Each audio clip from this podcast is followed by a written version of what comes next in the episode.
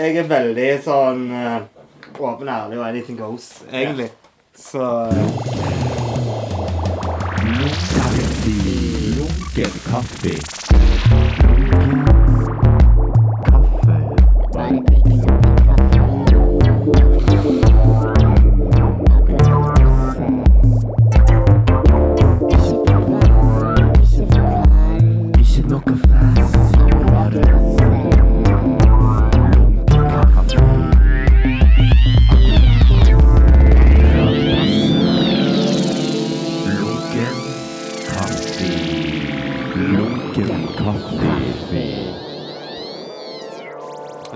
Til Lunken kaffe, Jon Salte.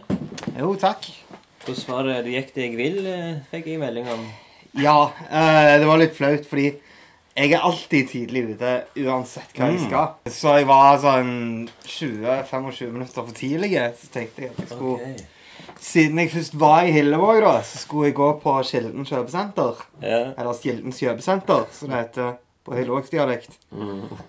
Ja, det var jo drit. Eh, Der har de jo ingenting kult annet enn Dolly Dimples. Claes Olsson, ikke det? Claes Olsson, jo, men da må du gå langt. og Så er du ikke en god Claes Jeg hadde Olsson. forventa noe kul butikk. Hva er en kul butikk? Nei, altså, jeg vet ikke, men det er liksom Alle butikkene er sånn andre ting enn hva de har andre plasser. Det er sånn Carlings og Dressmann har masse utgåtte varer så du ikke får tak i i andre butikker. Og så når du går forbi bokhandelen, så får du bare lyst til å rope 'Kindle!'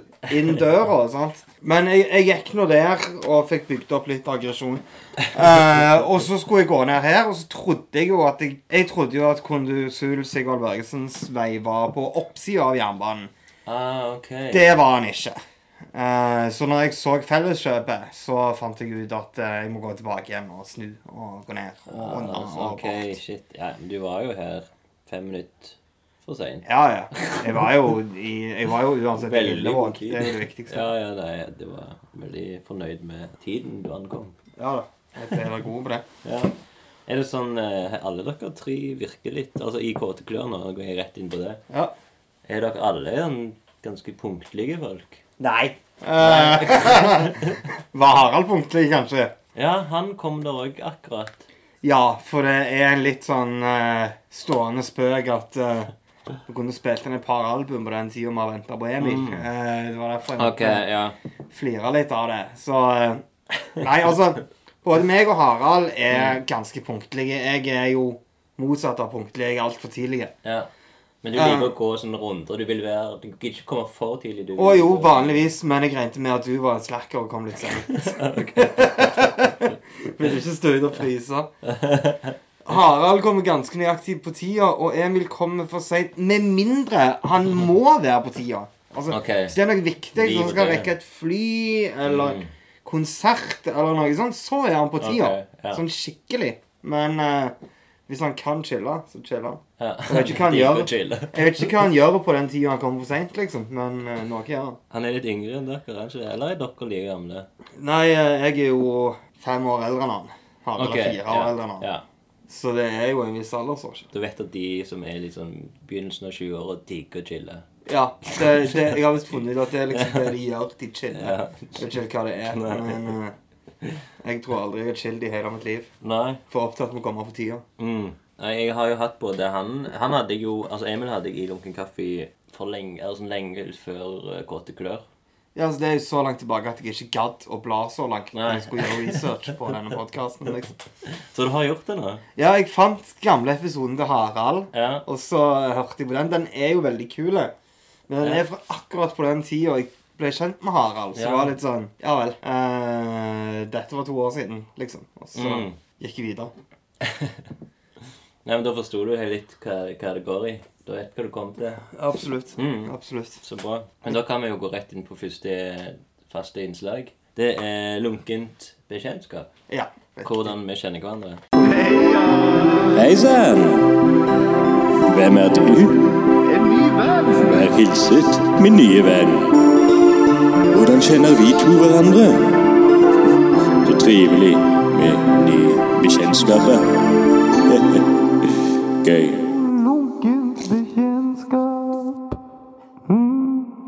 Husker du første gang vi har møttes? Altså, jeg har jo kjent dama di siden før jeg kunne snakke. Ja. Eh, men på en måte så har jeg en følelse av at jeg traff deg med hun. På en annen måte så føler jeg at meg og deg har truffet hverandre for veldig lenge siden. Ja. Sånn 10-15 år siden. ja. Men jeg tror kanskje det bare er at jeg har et sånt fjes, og du har et sånt fjes, Ja. og at noen med et sånt fjes Det er sant. har møttes tidligere, og ikke vi, egentlig. Ja. Vi har Eh. vært kanskje i samme lokaler. Ja, det kan liksom hende, men jeg vet ikke. Ja. For du er herfra, du er Hillevåg. Jeg er Hillevåg, ja. liksom. ja.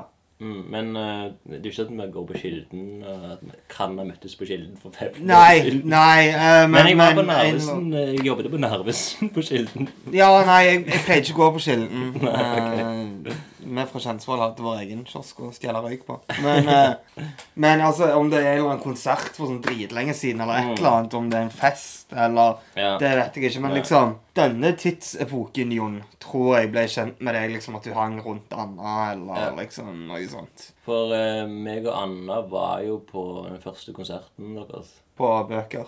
På Nei, på, på Ja, på Akvariet. Folken. Mm. Det var dere faktisk. Mm. Helt første konserten. Ja. Det, det er jo sykt kred, faktisk, Ja. å ha vært på den første ja, konserten. ja, den var Det var ikke-. Det var en del der, men det er ikke så mange av de som husker det. mm. Det var ikke så mange av de som var klar over hva de var vitne til, tror jeg. Nei, det er sant. Men Og så var det kanskje litt seint. Ja, det var jo klokka tolv om natta. Det var tolv, ja. Ja. Mm. Da var alle fulle. Utenom Ja. du. Utenom meg. Jeg, jeg tror ikke vi offisielt hilste da. Jo, jo jo det det? tror jeg. Jeg visste okay. hvem du var. Ja. Eh, og Så, var jeg skamfull og hilste på deg da. ja, og så gikk Harald rundt og kalte deg Birk. Ja. Så jeg trodde hele veien at du var en fyr som hette Birk. Mm. Altså med liksom vikingnavnet. Ja. Men så fant jeg ut senere at det var jo ikke det du het. Og så, ja. For vi var på sånn familie... Hva heter de der søstrene Iles? Ja, ja, eh, Søstrene Iles uh, juletradisjonsgreia. Ja. Fest. Møte. Ja. Der var vi. Det var med, og da husker du sånn, der sa du Birk en gang til meg. Og Ja. det var kanskje perioden du trodde det var mitt fornavn. Helt rett. Jeg tror det var da jeg fant ut at du het Espen. Faktisk. Ja, men det, jeg har jo kalt meg Birk, Ja, ja. så... Så jeg fatter jo at noen tror det. Mm.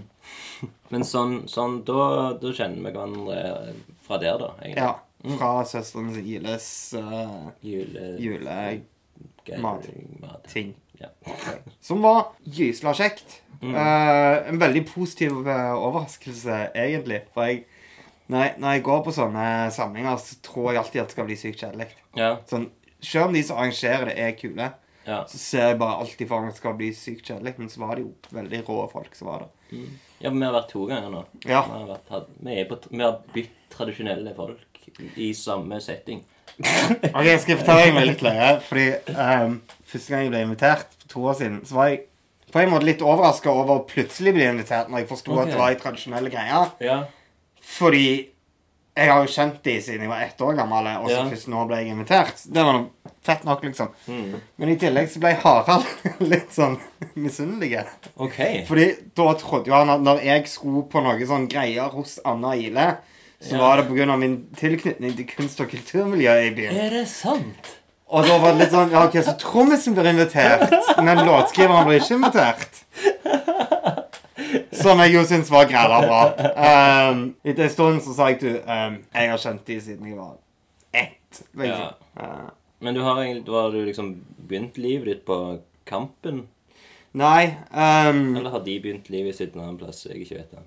Nei, jeg, eh, jeg begynte livet mitt på eh, Taiwan, faktisk. OK. Misjonærunge. Og så, når jeg var ett år, så flytta mor og far til Kampen.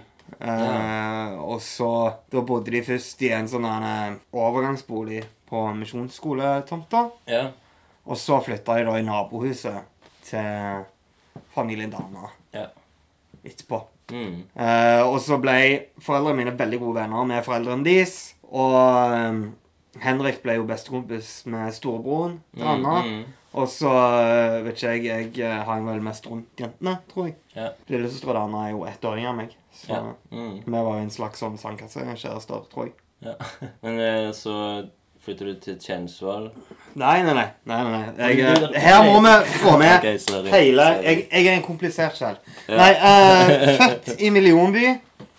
Flytta så til Kampen i Stavanger med sine 100 og noe tusen innbyggere. Mm. Så bodde jeg fem-seks år på bygda. Sånn skikkelig sauebygda. Eh, bodde fem år i Etne i Sunnhordland.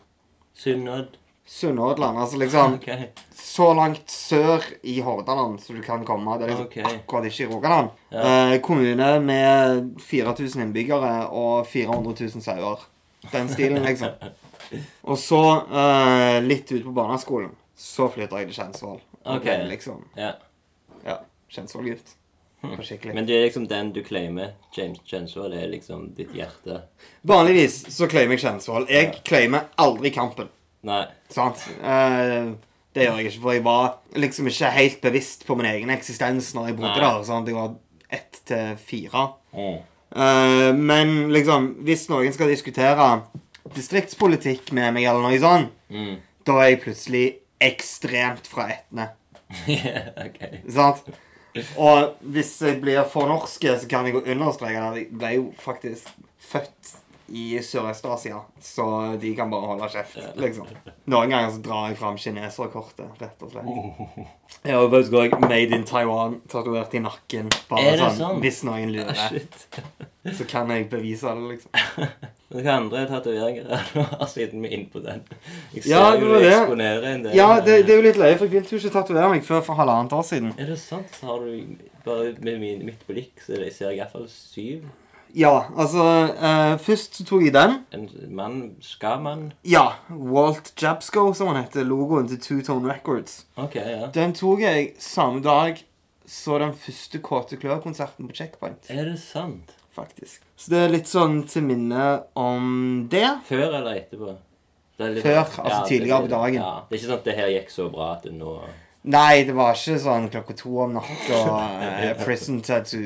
Det har jeg meg. får det fort gjort. egentlig. Og så eh, var det så sykt mange som spurte hva er det der for noe. Ja. Det er jo logoen til Two Records, så det er et ska-label. Mm, Så da tatoverte jeg ska unna. nice. Og jeg tror kanskje det var samtidig som den at jeg tok Made in Taiwan i nakken. OK. Faktisk. Samme kvelden? Nei, ja, altså samme dag som jeg tok Mm. ska, Made in Taiwan i nakken. Det er liksom den jeg har hatt lyst til å ta mest lengst. Ja, okay. Den begynte jeg å tenke på da jeg var 15, men det er sykt waste of money å betale 1500 kroner for en tatovering som er på størrelse med fyrstikkeske. Så da tok jeg Ja. den samtidig som jeg tok noe annet, så slapp jeg å betale for det. Ja. Og så var det vel faktisk samme måned så tatoverte jeg logoen til The Joe Strummer Foundation.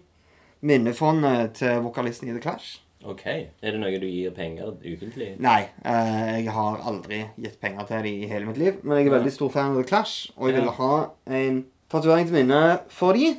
Og så syns jeg det var kult, for han er rød, gul og grønn, som liksom er hasjfargene. Og siden jeg ikke røyker hasj, så tenkte jeg det er jo litt løye. Eh, så, så det var liksom Det var et fint motiv til minne for et band som har vært viktig for meg, Ja. og en mann som har vært viktig for meg.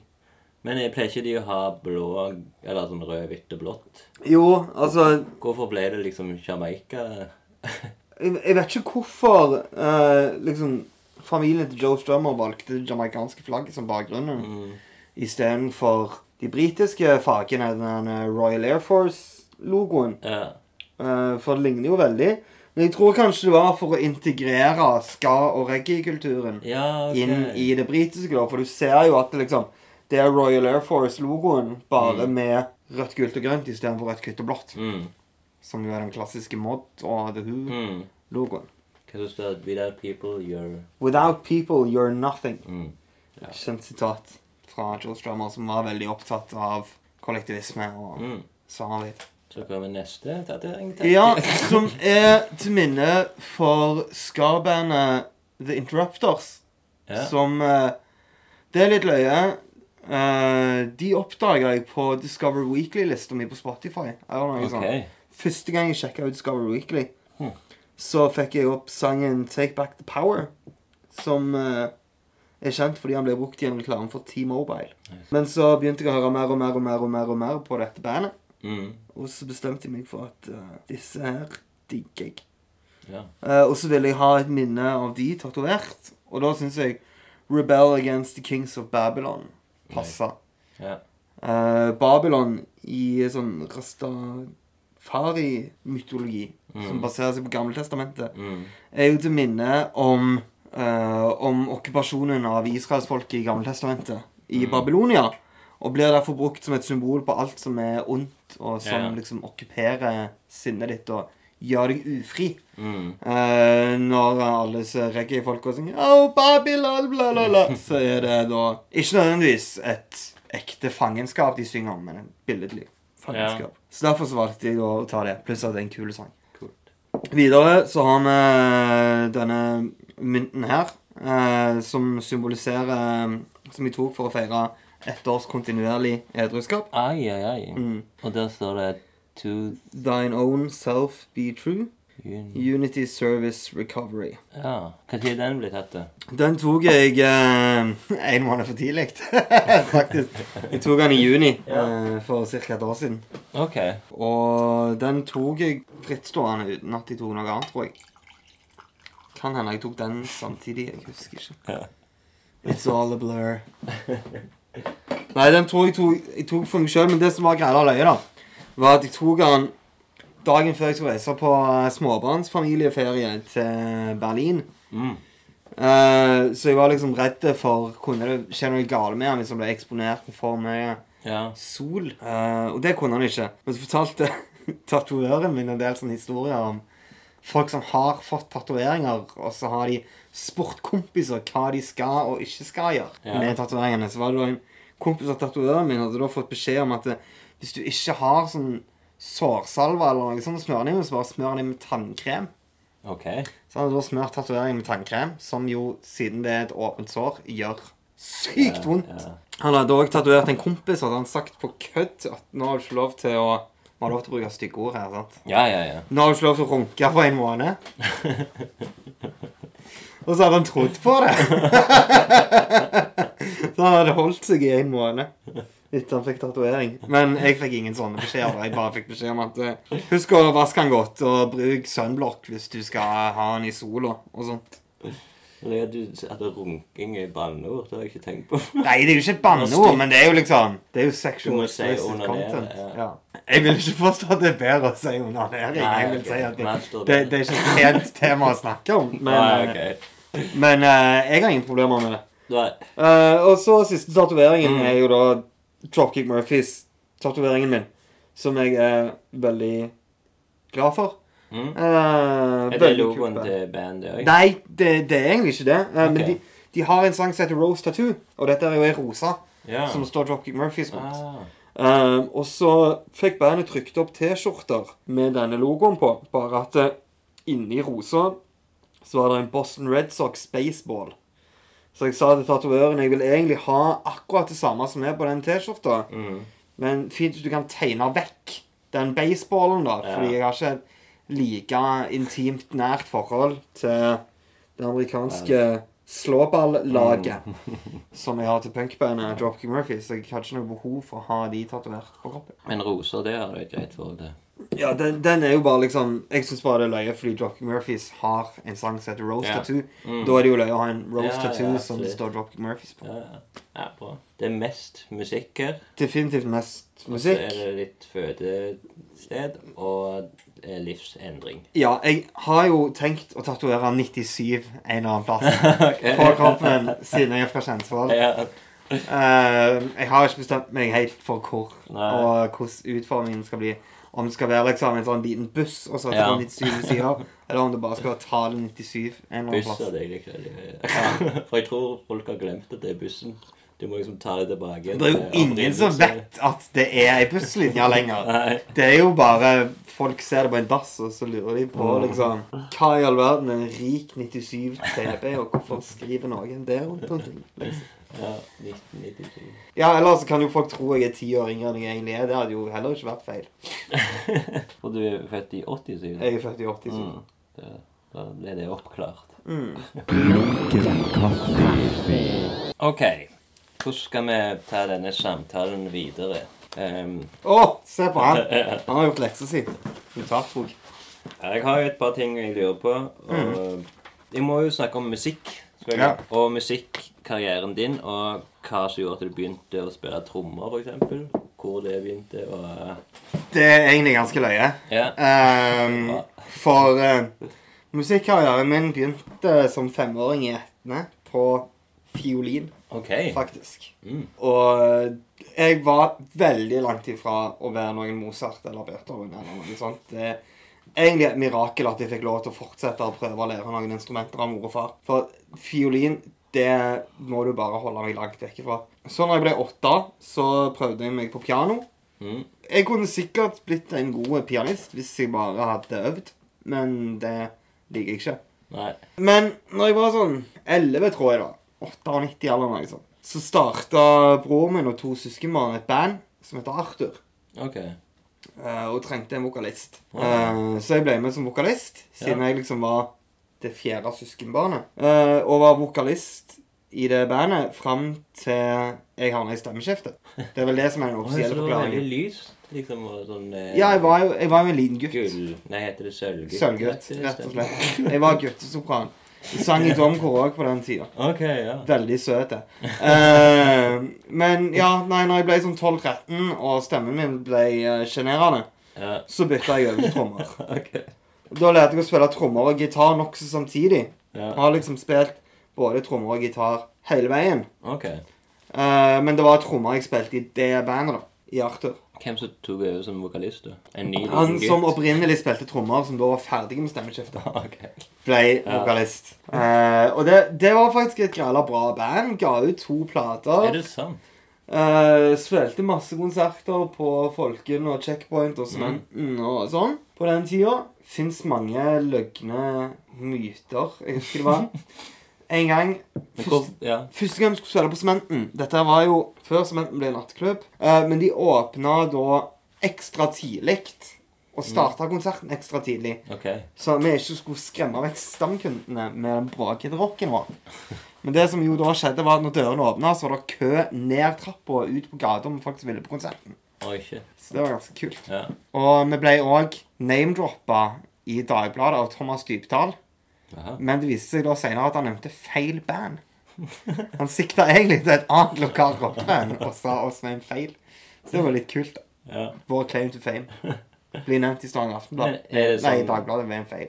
Det, kan du finne de sangene på Spotify? Du kan finne første plata vår, Randaberg EP, Mm. eh, kan du finne på Spotify. Og singelen som ga ut på vinyl, som heter Oi. Latvia skråstrek The Dark Side of Kjensvoll, tror jeg ikke ligger ute på Spotify ennå. Men du kan kjøpe den på vinyl her. Ok, På konsulatet? Mm, de selger den på For konsulatet. løye. The Dark Side of Kjensvoll. The Dark Side of Kjensvoll. Det er sikkert mye, mye forskjellig. Ja. Det er så mye drit at vi ikke rakk å skrive om alt, så det er en instrumentalsang. Uh, nei, Men så det var alle heter Salte der? i- Nei, men altså, det var meg og broren min og to søskenbarn. Og de to søskenbarna var òg brødre, Ja. hvis du fatter. Mm. Uh, men av en eller annen grunn så var det bare tre av oss som het Salte til etternavn. Eh, så liksom, i songwriter-crediten så sto det Salte, Salte, Salte Hellberg og Hellberg. Uh, bare fordi jeg syntes det var så løye når det sto i ACDC sine sanger sto Young, skråstrek Young, som var skrevet. ja. Så tenkte jeg, ja, men hva hvis vi har salte, salte, salte, Hellberg og Hellberg? Og eh, parallelt med å spille trommer i Arthur, så spilte jeg òg gitar i punkbandet Navelfluff. Eh, fra Kjensvoll. Eh, I hovedsak fra Kjensvoll. Navelfluff, det likte jeg. Som i Navel Fluff, bare sagt på norsk. Navlelo. Ja. Bandet ble oppkalt etter et bilde i Gins rekordbok av verdens største samling med navlelo. Er det sant? Eh, For det var grad ekkelt. Og vi var ganske ekle. Vi var 14 år gamle og i puberteten og tenkte jo bare på drit og sæd. Og det teksten gikk ut på Nei, eh, tekstene var veldig politiske. Vi hadde blant okay. annet en egen sang som handla om hvor mye vi hata Frp. mm. Eh, som ble skrevet midt i Søviknes-saken. Mm. Uh, så ja, der blir jo ordet pedo slengt ganske løst rundt omkring. Og Siv Jensen blir vel kalt ei grinete fitte, hvis jeg okay. ikke husker helt feil. Uh, det er jo ikke pent å si det om finansministeren, men hun var jo ikke det da. Eh, vi hadde òg en sang som heter McDonald's. Og ja, sangene var stort sett politiske. Uh, Ja. Til slutt så handla, tror jeg, alle sangene våre om krig. Eh, vi hadde til og med Dette syns jeg er imponerende. Vi hadde en sang på finsk Jaha. som vokalisten vår hadde skrevet sjøl. Fordi Sjøl om han ikke kunne finsk.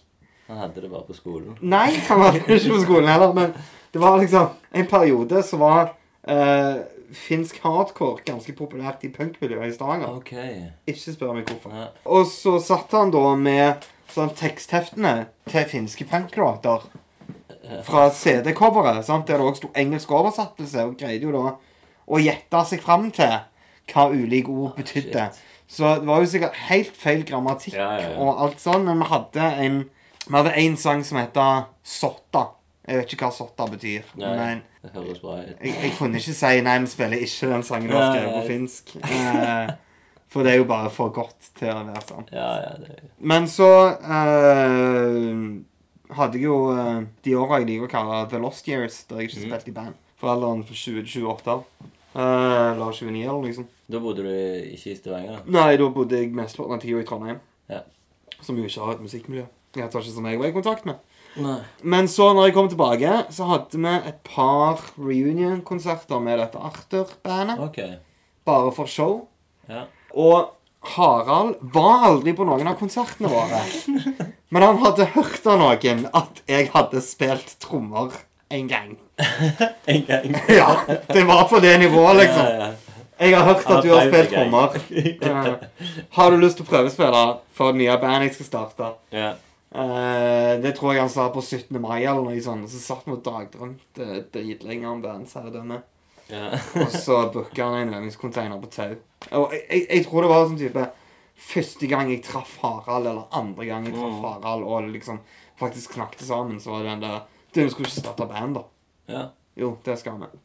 OK, Ja. det er bare audition, altså. Og så var jeg sykt cocky og sa ja, ja, mm, mm, bare audition. Ja, riktig. Harald har jo vært for andre ganger i Ja. Han har jo nevnt første gang dere uh, møttes, at du tror du ga noen ølbonger eller noe sånt. Og- Ja. Og det gjorde at ja, han her liker jeg. det var eh, Det var før jeg hadde slutta å drikke. Men det var en gang jeg prøvde å slutte å drikke. Ah, Og så var jeg med på et eller annet sånn bingo-opplegg på Martinique og vant noe gratis øl. Og så sitter jeg der og bare Ja vel, hva skal jeg med disse? Og så var Harald helt alene og så sykt blues ut. ja. Og så øh, visste jeg øh, hvem han var, men vi kjente ikke hverandre. Så da tenkte jeg OK, her er det en sånn gesture. Sant? Mm. Kom og heng og vær kule, liksom. Uh, og så hang vi jo ikke egentlig med hverandre noe mer den kvelden. Men fikk altså den slett. liksom. Så drakk han med Ida fra Sassy eller et eller annet sånt. Men vet du hvem andre som prøvde seg på i audition til Kåte Klørs trommis? Jeg er usikker. Jeg lurer på om han kidden i Purpuré okay. hadde en audition. Og så har Harald Så liksom har liksom ikke gått og tenkt på det. Nei, Harald har nevnt- Hvem er jeg bedre? Harald har nevnt, og jeg tror Jeg syns jeg husker at det er noen flere, og at alle er bedre enn meg. Okay. Men, men det som er så fint med rock og punk og alt sånn, er at det handler ikke nødvendigvis alltid om å være best. Det handler om å være kulest. Eh, eller å spille det som passer best, eller noe sånt. Jeg er virkelig ikke noen teknisk god trommis. Okay. Um, men jeg har et godt øre for rock. Yeah. Uh, og det er liksom det som er det jeg vinner på i en låtskrivingsprosess, er Mm. ikke tekniske skills på noe instrument. Det er å slå hardt og se ut som jeg liker det. Yeah. Uh, og slå uh, hardt på rett tidspunkt. Liksom. Det er det jeg er god på. Mm. Ikke noen lange virvler eller overganger eller trommesoloer eller noen ting sånn. Har du mange sånne symboler? Er det det det heter? Ja, altså, det var jo litt av greia. Når vi starta bandet, så var Harald sånn okay, Du får bare lov til å bruke én symbol okay. og én hi-hat. Og jeg tror litt av grunnen til at han tok meg med, var at istedenfor å stille spørsmål og stille krav tilbake, så sa jeg OK. Ja, sånn. Jeg skal bare bruke en symbol. Mm. Men så har jeg begynt å snike litt mer symboler med. Etter hvert. Ok.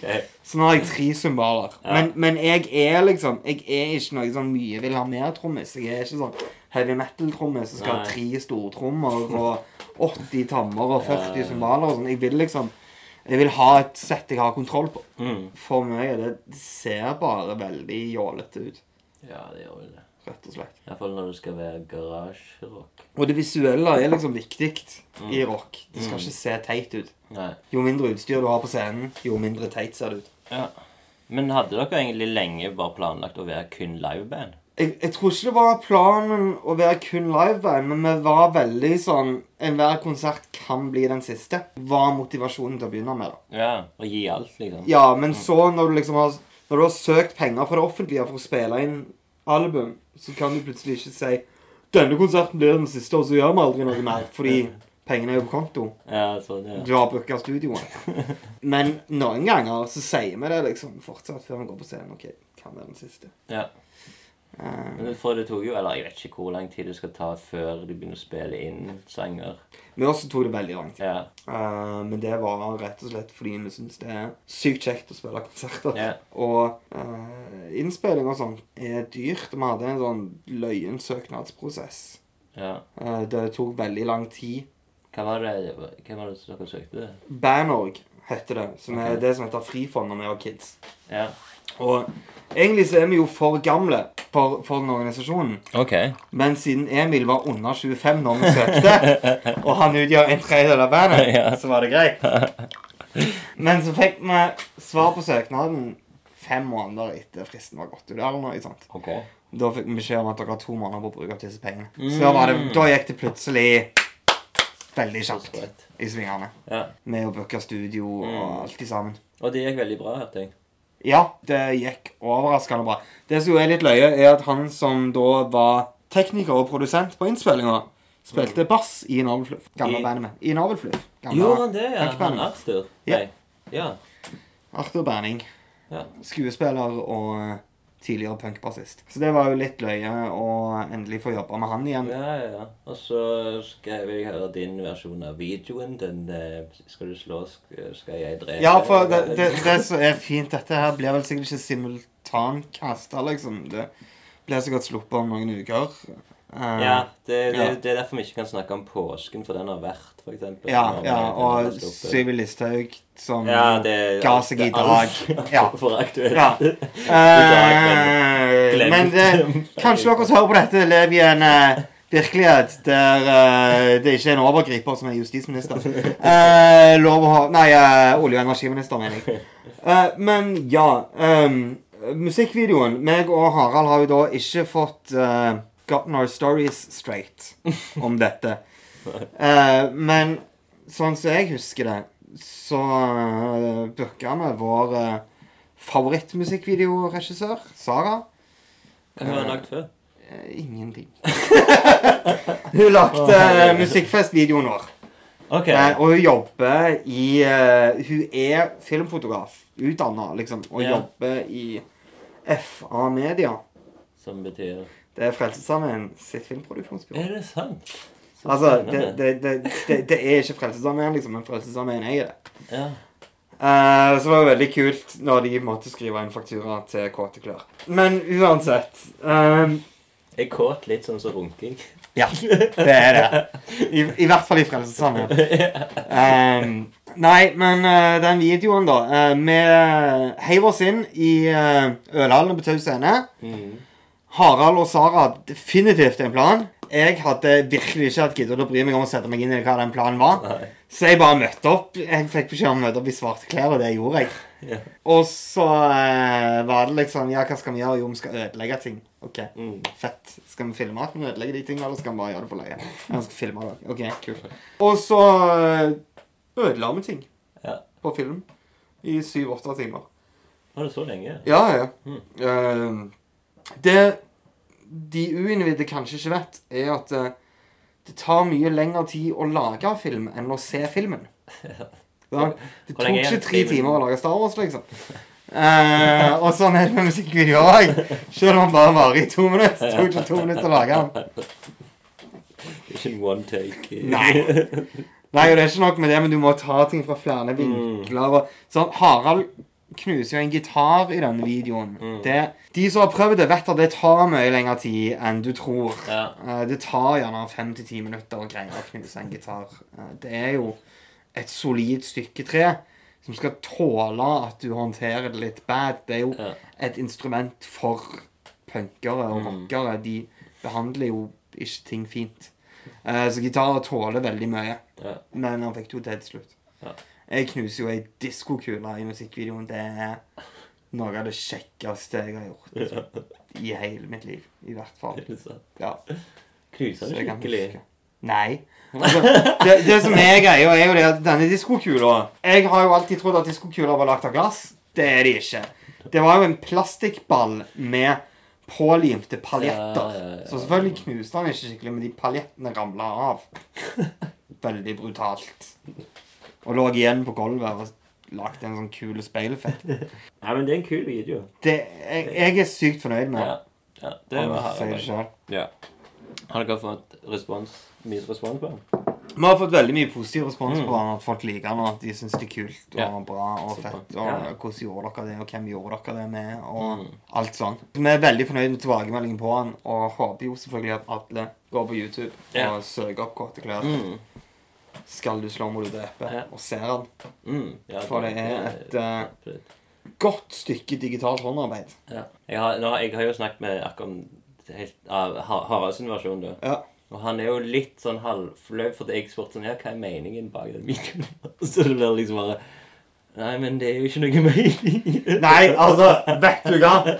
Skal musikere drive på og eh, ha noen rød tråd her nå? For altså Sorry. Men altså Harald skrev eh, manus i veldig store anførselstegn Mm. til denne videoen. Så jeg har i hvert fall ikke peiling på hva Ja, som er meninga med han. Eh, men jeg tror egentlig bare at liksom Sangen dette skal du slå, må du drepe. Mm. at, Og vi dreper i den videoen. Ja, ja. Ikke hverandre eller noe sånt. men Det som er litt kult, da Helt i begynnelsen av videoen så har han hengt opp masse ark med navn på band og spillesteder og folk i musikkmiljøet i. Stavanger.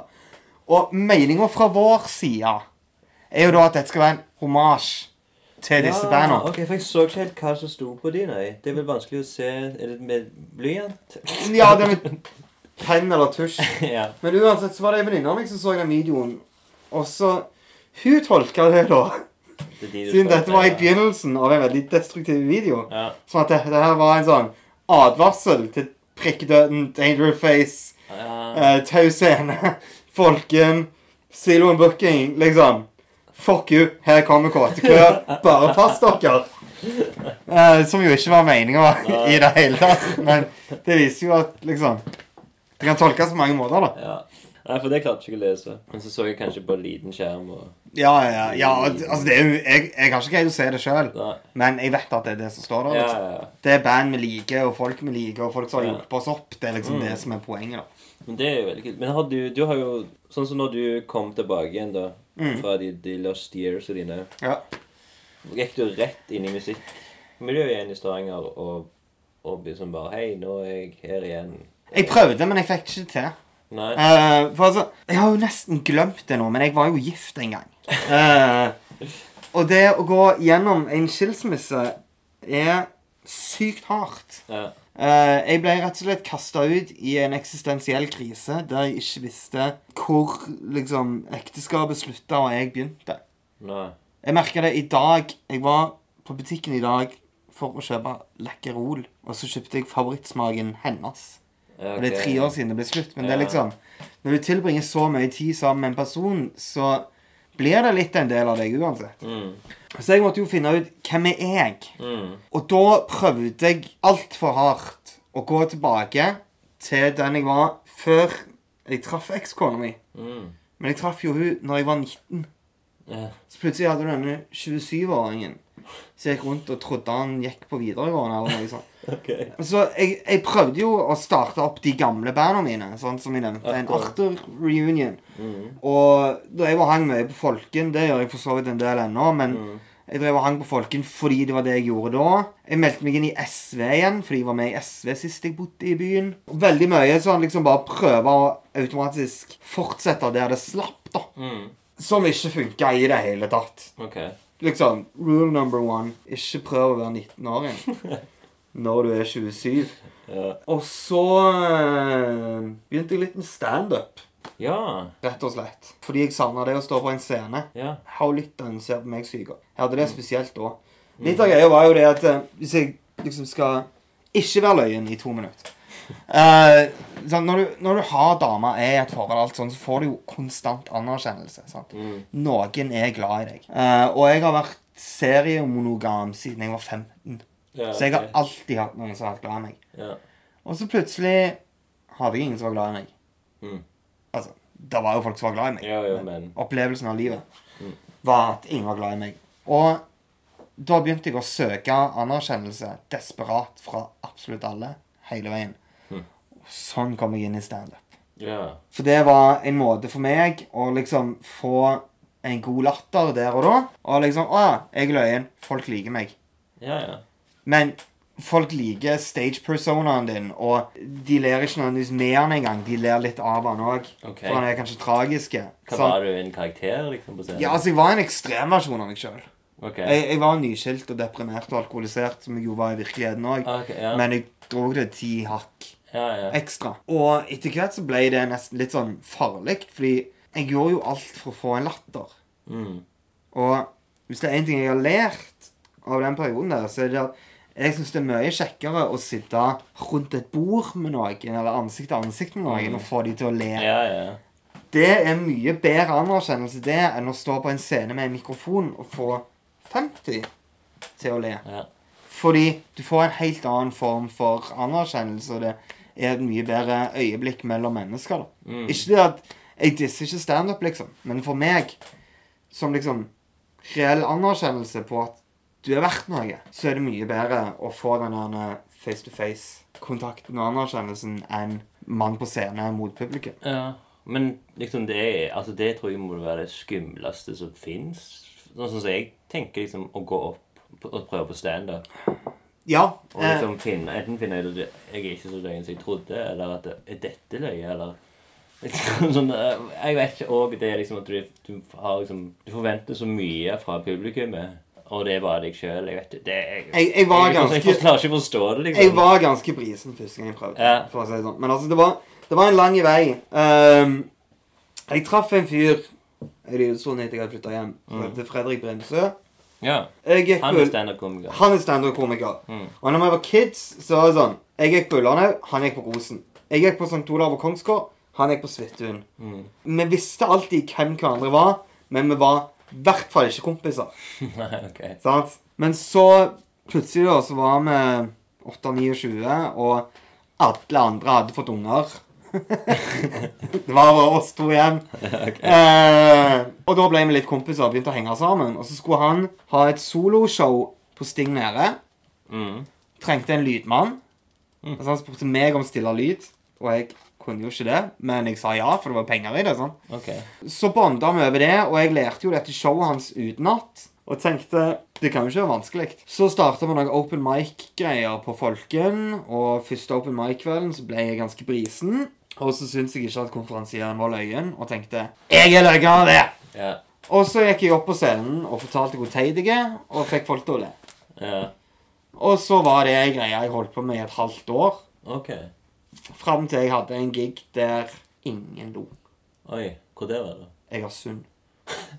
Og da hadde jeg blitt fortalt Fete hadde fortalt i ei uke på forhånd hvor lett det er å få folk i Egersund til å le. Å nei. Jeg tror jeg sto og snakket i et kvarter, og det var tre stykker som lo av én vits. Det var helt krise. Oh, Dette, Mye av det materialet var ting jeg hadde brukt på Folken, og folk hadde ledd meg Ja. av i tillegg. Og da bare tenkte jeg nå tar jeg en pause, og det var egentlig det. Yeah. Den pausen har uh, vedvart. uh, fordi Du sitter ikke og skriver litt vitser av og til? Nei, nei, for sånn det, det er liksom Å skrive vitser er sykt kjedelig. Du må liksom ta hverdagspersonen din, da. Sette den ned foran laptop, og så være løyen. Mm. Og så må du skjære det manuset ned til beinet og kun ta det løgneste. Og så må du lære det utenat. Og så må du gå på en scene og si det. Og det er ikke verdt det når du kan spille i band. For Den gig- gigen i Egersund var tre uker før jeg begynte å spille i Korte klær. eller noe sånt. Okay. Og da hadde jeg jo noe å gjøre på en scene. Noe jeg faktisk kan å gjøre på en scene. Ja. Ikke liksom det pisset jeg holdt på med som standup-komiker. Men var det liksom Var det mange venner og deg som var det på Folken? Ja. Så du, du føler det var det det altså, gjorde at de litt av greia er jo det at vitsene mine var jo løgnere hvis du kjente meg. Ja, ja. ja. Sånn er det jo ofte. Uh, men det var òg et yngre publikum og hippere publikum. og Ja. sånn. De forsto mer referansene mine enn hva Mm, publikum mm. i Egersund Publikum Egersund var 50. Liksom. Okay. Uh, og fra Egersund. Men uh, det var liksom standup-karrieren min. Mm. Uh, og det var Det var merkelige greier. Men han eh, Fredrik Han er jo han òg i et sånn punkband. Ja, ja. Så, men han, begynte han på likt med Kåte klør, eller Eh, har han holdt på lenge, han òg, med, med punken eller med, med med standupen? For standupen Hvis ikke om han og du òg slutter med stand ja, da vil Nei, for altså, han, han, er, han er jo fortsatt standup-komiker. Ja, okay. Det er jo sånn han Ja. har salt i maten. Ja. Og er en veldig god standup-komiker, Mm. må jeg si. Men uh, han starta jo uh, Prikkedøden. Det var en gammel kompisgjeng som hadde spilt i band sammen på videregående. Ok. Og så uh, Så vidt jeg husker historien Det er jo farlig å fortelle historien om andre band. Så de tok en helg i et studio i Oltedal og spilte inn en singel. Mhm. Og så eh, Når den singelen var innspilt, så var mesteparten av bandet litt sånn Ja, men eh, nå skal vi hjem og skifte bleier og kjøre fram og tilbake til fotballtrening. Så vi har ikke tid til å spille i band. Det var en kul helg, liksom. Så da ble det Var det bare liksom Fete og Kissa, leadgitaristen, igjen. Eh, de var opprinnelig en five-piece, og så var de plutselig to. Okay. Så de er to i dag? Nei, nå er de tre. Okay. jeg har fått med seg en trommis, Håkon Løklingholm. Ja. Sykt flink trommis. Mye bedre enn meg. Eh, og har gitt ut to album. Ja. Fede er ekstremt produktive eh, og utålmodige. Så han vil skrive masse sanger, og han vil spille de inn med en gang. Og når han da har spilt de inn med en gang, så vil han gi de ut fortest mulig. Ok, Så det har blitt to album på ett år. Eller Ja. noe sånt. Helt Det er samme hyppighet som Kiss ga ut plater på 70-tallet. Mm. Helt sykt. Mm. Og bra. Yeah. Bra stoff. Eh, nyeste plata mye bedre enn forrige. Yeah. Den punken jeg vokste opp med, er jo sånn der 77-er, Sex Pistols, The Clash, Mm. The Damned, den greia. Yeah. Sånn punk-punken. Mm. Eh, mens det Prikkedøden, bandet til Fede spiller, er jo sånn Blink 182, Mm. Bad Religion, pop, Ja. skate-opplegg. Sant? Det er jo Men noe som du, du ikke likte? Nei, Ja. det, det var liksom ikke min greie Ja. Når jeg var kid. Fordi uh, når du vokser opp i punkmiljøet, så skal du ha skinnjakke og Dead Kennedys T-skjorte. Så blir du på en måte opplært til at du skal ikke like den nye punken, for Mm. den er drit. Um, Offspring er det òg? ja, Offspring er sånn. Uh, No Effects. no Effects, yeah. Blink 182. Yeah. Mm. Uh, basically, hvis det var amerikansk og ble starta etter 1982, så var det ikke greit å høre på det. Nei. Uh, men, men jeg likte det alltid litt i smug. OK. Sånn, For Det var fengende. ja, det, det er fengende. Og sånn Jeg begynte ikke å høre på liksom punk-punk før jeg var 13-14 år gammel. Men jeg hørte jo Blink og Pennywise når jeg var 11. Ja. Gjennom liksom topp 20 og whatever. Ja, ja, ja. Sånn, Blink hadde jo All The Small Things, som var en kjempehit når jeg var 12, Mm. tror jeg. Og jeg likte jo det. Ja. Uh, men så var jeg på Stavanger Punkfestival, så GBH eller et eller annet sånt, helt legendarisk. Okay. Dagen etterpå hørte jeg London Calling hadde Clash for første gang, og da var jeg solgt. sant? Ja, ja. Uh, og da kom jeg inn i en helt annen greie. Mm. Det er jo sånn, sånn jeg har jo vokst opp mye på hiphop, men jeg digget jo Will Smith først. Ja. Sant? Og så fikk du Public Enemy. Ja, ja. sant? Du har jo gode ting med Nas etterpå, liksom. Ja. Og det, men, og det er litt den der òg. sant? Eh, og alle har jo den. Ja. Og så, når du da endelig har blitt voksen Ja. Det er jo den dagen når du tør å innrømme dette. Både for deg sjøl og for andre. Ja, At liksom Jeg likte Will 2K. Skal vi litt tilbake til Kåte klør, da. For nå har jo dere lagt, sånn som jeg forsto det, 13-14 sanger som dere er solid er fornøyd med. Ja, jeg, jeg har aldri telt. Det er sikkert 20. ja. Harald er òg veldig produktiv som låtskriver. ja. Det, hø- det hørte jeg òg. Men hvordan eh, For de, det er musikk som du står innenfor òg, liksom? Og, Ja, ja. Absolutt. Uh, jeg står virkelig innenfor det. Og sant? Men eh, hva minner det om i forhold til liksom gamle band som du digger? Er det noe du kan sammenligne ditt eget band med, liksom? Uten å være så Nei, vi, vi er så ekstremt spesielle. Det går ikke an å sammenligne med noen ting. Nei, altså, favorittbandet mitt Eller et av favorittbandene mine gjennom tiden er et svensk hardcore-band som heter Refused. Okay. Som hadde et sideprosjekt som heter The International Noise Conspiracy. Og vi høres veldig ut som The International Noise Conspiracy. Men det er nesten ingen som har hørt om The International Noise Conspiracy. Så da kan jeg si det minner om Hives. Ok. Eller eh, hvis du tar første platene til Beatles eh, og spiller gjennom en sykt ødelagte bilradio. Litt sånn høres det ut på bånn driten, liksom. Eh, Men Det- alle, alle er ganske sånn opptempo. ja, sangene er veldig opptempo. Vi, vi blir sammenligna med Sex Pistols. Og okay. 999 og liksom alle de gamle 77er-punkbandene. Men vi kan ikke si det, for vi er et garasjerockband, vi er ikke et punkband. Mm. Men, men, men det, det er labels, liksom. Lyden er Nevermind Bollocks en gang til. Mm. Rett og slett. Liksom Debutplate til Sex Pistols. Yeah. Bare kanskje enda kjappere og med litt mer humor. Yeah. Rett og slett. Altså, det er ikke at eh, vi bare egentlig og skriver løgne sanger, liksom. Nei, nei, Men, nei. men vi tar ikke oss sjøl så sykt høytidelig. Det håper jeg gjenspeiles i lydbildet, og det gjenspeiles nok i hvert fall på scenen. ja. Og video. Ja. ja, videoen gjenspeiles voldsomt Ja. når Harald sitter og snakker med ei kråke, for eksempel. Men eh, har du fått mer smak på musikkvideoer? Er det Å ja. Jeg, jeg, jeg har lyst til å lage musikkvideoer til alle Jeg har lyst til å lage musikkvideoer til andre sanger, liksom. Altså, det, det er kjekt. Ja. Men du må jo ha noe å komme med. Mm. sant? Du kan ikke bare filme fjas. Nei. Og jeg er ikke en kreativ kunstnersjel, så jeg er ikke den som kan komme med de ideene. Okay. Uh, jeg er den dumme trommisen uh, som sitter bak og slår nesten i takt og får folk til å danse. Men eh, har du noe så Han Harald sa at han var veldig nervøs før konserter. Hvordan er du før en konsert? Jeg er i hvert fall nervøs før konsert. Ja. Har du sånne ritualer, eller? Ja, altså, ritualet mitt eh, Det, det, det er veldig løye, fordi ritualet vårt er egentlig gjensidig utelukkende.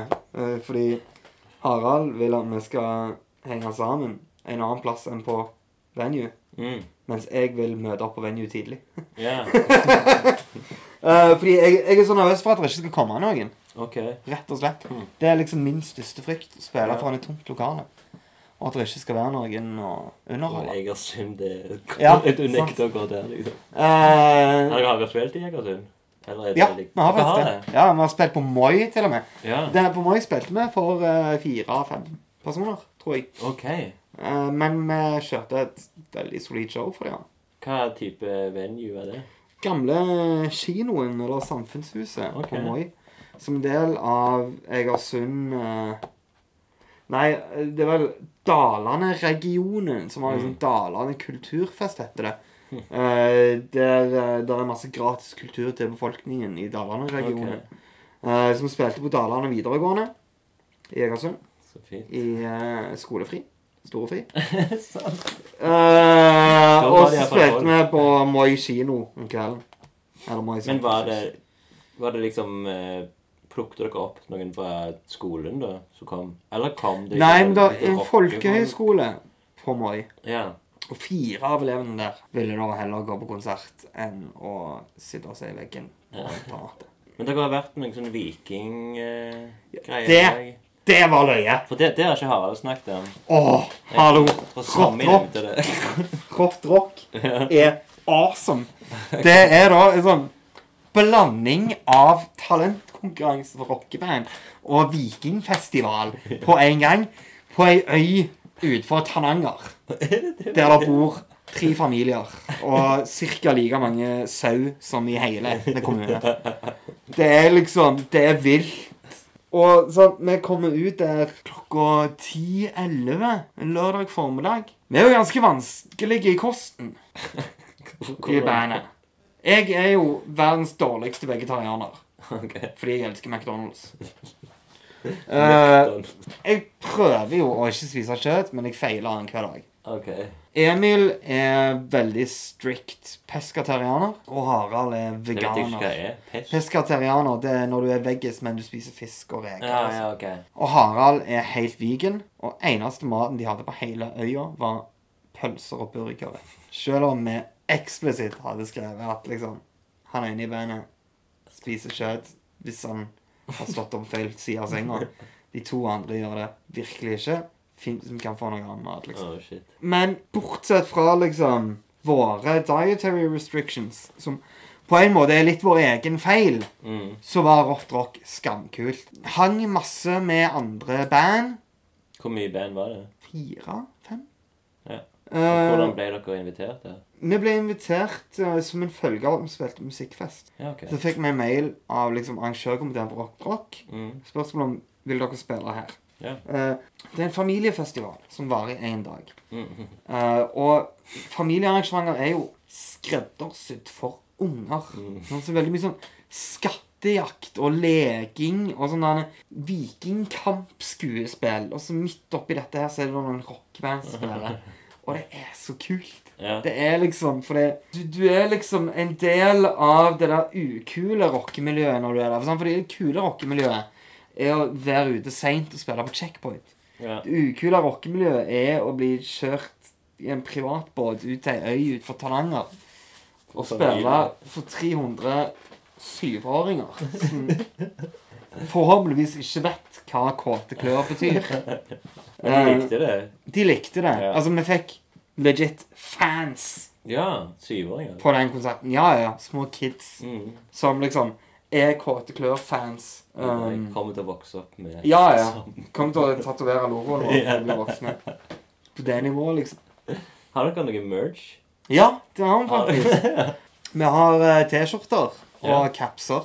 Er det sant, ja? eh, som alltid glemmer å ta med oss på gigsa våre. Som får ikke solgt noe. Jeg tenker Det må jo være være den perfekte plassen å selge merch der. på den, og Jo, men, men det var Barne... Jeg tror ikke vi hadde fått merch ennå. Nei, faktisk. OK. Vi var såpass ferske ennå. Å ja. For det, det var i fjor, eller? Ja. Ja, det var i fjor sommer. Mm. eh, på sensommeren. Så dere har nettopp fått merch, nesten? Ja. Jeg tar capsene. Det var et sånn spesialtilbud vi fikk. Sånn testtrykk. Hvem dere fikk det av? Eh, det, vi fikk det av Daniel Engen. Ja. Eller Dengen, som han Ja. kalles. Samme type caps som den jeg har på meg nå. Jeg har jo pynta meg siden jeg skulle på podkast. ja Eh, så jeg markedsfører jo da lokale band som alle kan se på Mm. denne capsen jeg har på meg. Ja, jeg skal tegne den. Ja, eh, Dangerface-capsen. Mm. Jeg var eh, hos frisøren siden jeg skulle på podkast. Har du vært på podkast før? Ja, jeg har faktisk det. Men jeg elsker sånn radiohumor. ja. Sånn vise fram Ja. ting på radio. Jeg har faktisk et eh, segment som heter visuell kommunikasjon. Så det Jeg gleder meg, jeg gleder meg aldri at gidder å høre episoden sånn. Nei, men det, jeg, tror vi har, jeg tror vi har brukt en del. Både Ja. med tatoveringene og capsen Ja. og ja, andre ting som du har. Men ja, du spurte om noe. Uh, nei, det var merchant når han kom. Og Ja. eh, Daniel Engen ehm, Altså, hva, er det en logo vi har sett før? Ja, det er den logoen som Sami lagde. Ja, den hunden. Ja, Mm. den hunden. Ja, kult. Den hunden til Silje. Ja. Rett og slett. Ja, eh, Dine. Ja. Mm, kult. Og hvor kan folk få tak i denne, da? Eh, Ching, nei, ching. det Ja. Det, for å få tak i merchen så må du enten møte opp på konsert og ha flaks, ja, eller sende melding til meg eller Harald. Ja. Alt stæsjet ligger hos Harald. Ok. Ehm, Hvis, altså, vi, dette vi tar opp 20. mars nå. Ja. Og dere skal ha en konsert 31. mars. Ja. Dessverre så er denne podkasten etter det. Etter Men det. Uh, musikkfest. Ja, Spillemusikkfest. hva tid er det? 2. juni. Ja, da, da kan folk få ta hende. Kanskje dere har fått uh, nye Og dere har fått nye singler, da? Ja, ja, ja, da har vi sluppet Vi slipper jo nye singel på mandag. Den har jo alle hørt. Når den kommer ut. ja. Det er bra. Og dette er òg sånn som jeg syns er dritløye. ja. Promotere ting etter det har kommet Ja, ut. ja, er Fordi reklamen ble spilt inn før uten at du var klar over det. Bare nå, vet, nå er jeg jo klar over det. Hva er det hette? Eller nå igjen? Uh, neste singel, Nei, den som er den som nettopp har kommet Ja. ut, den som kom ut for noen uker siden, Ja. men etter 'Skal du slå, må du drepe', uh, den heter 'La dagene gå'. ja. Eh, og coveret er dritkult, fordi på coveret så er det et bilde av en fyr som står og kliner med ryggen til kamera. Bakfra så ligner fyren Han er prikk lik Emil. OK. ja. Men det er ikke Emil. Hvor er det Bildet er tatt på en eller annen random nattklubb i Los Angeles oh, ja. en eller annen gang. Så eh, Emil fant på Tumblr, og han var jo ikke klar over at det ligna på han engang. Han syntes bare ja bildet var kult. Så han, så han sendte det meg og Harald. Og meg og Harald så jo Dette ligner på Emil. Ja. Og så er det han som fant Men vi sier det jo ikke til Emil. Han får høre det nå. Eh, Så han kommer jo til å få høre det hele karrieren. Sant? At, ja. Å ja, den singelen med det bildet av Emil. Det er ikke Emil. Han var ikke klar over at det ligna. Sorry, Rolling Stone Magazine. Uh, Ja, den var kjekk å se. ja, det ble dritkult. Altså, Emil, han eh, Han har aldri planer om å flytte tilbake til Stavanger. Det er jo det som er så kult. Han flytta til Oslo ei uke etter han ble med. Ja. Det er ikke et ork for han liksom å hele tiden Nei, jeg tror han syns det er kjekt. Ja. Vi pusher han ikke heller, liksom. Nei. Vi legger veldig fint opp til at eh, det skal gå an å bo i en annen by mens du spiller i Kåteklær. Ja. Rett og slett. Plager dere han for han er mye yngre enn dere? Nei, for altså, nå har jo jeg passert 30, så nå er jeg jo misunnelig på yngre enn meg. Eh, jeg, jeg erter de ikke for å være små lenger. Nå ser jeg opp til det. Jeg tror jeg har gitt han litt tyn for det, sånn helt i begynnelsen. men Ikke Ja. nå lenger. Han, er ikke, han, han er ikke frekk da og syns at dere er gamle? Nei. Nei. Altså, vi, vi er like gamle i Jan Forstestein. Ja, alle tre, Eh, ja. alle tre. Mm. Som bandmessig. Tre trillinger. Ja. Mm. Som ikke ligner på hverandre. Ja. Og ikke har felles foreldre. Og er født ulike år. Hvem er det sine ideer, disse her små Jeg har sett sånne promovideoer på Instagram og kanskje på Facebook òg. Er det noen sånn veldig sånn rare små klipp. Det beste var en gang Her er det Emil igjen, da. Ja. Som skulle spille inn en promovideo i et av øvingslokalene vi lånte. Og så skulle vi filme, og så bare liksom ramla han så Altså, fordi for en gangs skyld skulle vi spille inn et seriøst promoklipp. ja.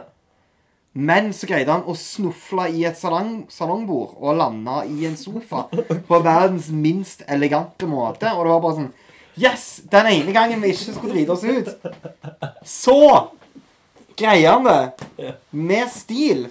Men rett og slett så er det jo det Vi liker å kødde. Sånn hard, teit humor. Alle tre. Jo mer tilgjort teit det ser ut, jo bedre er det. Ja.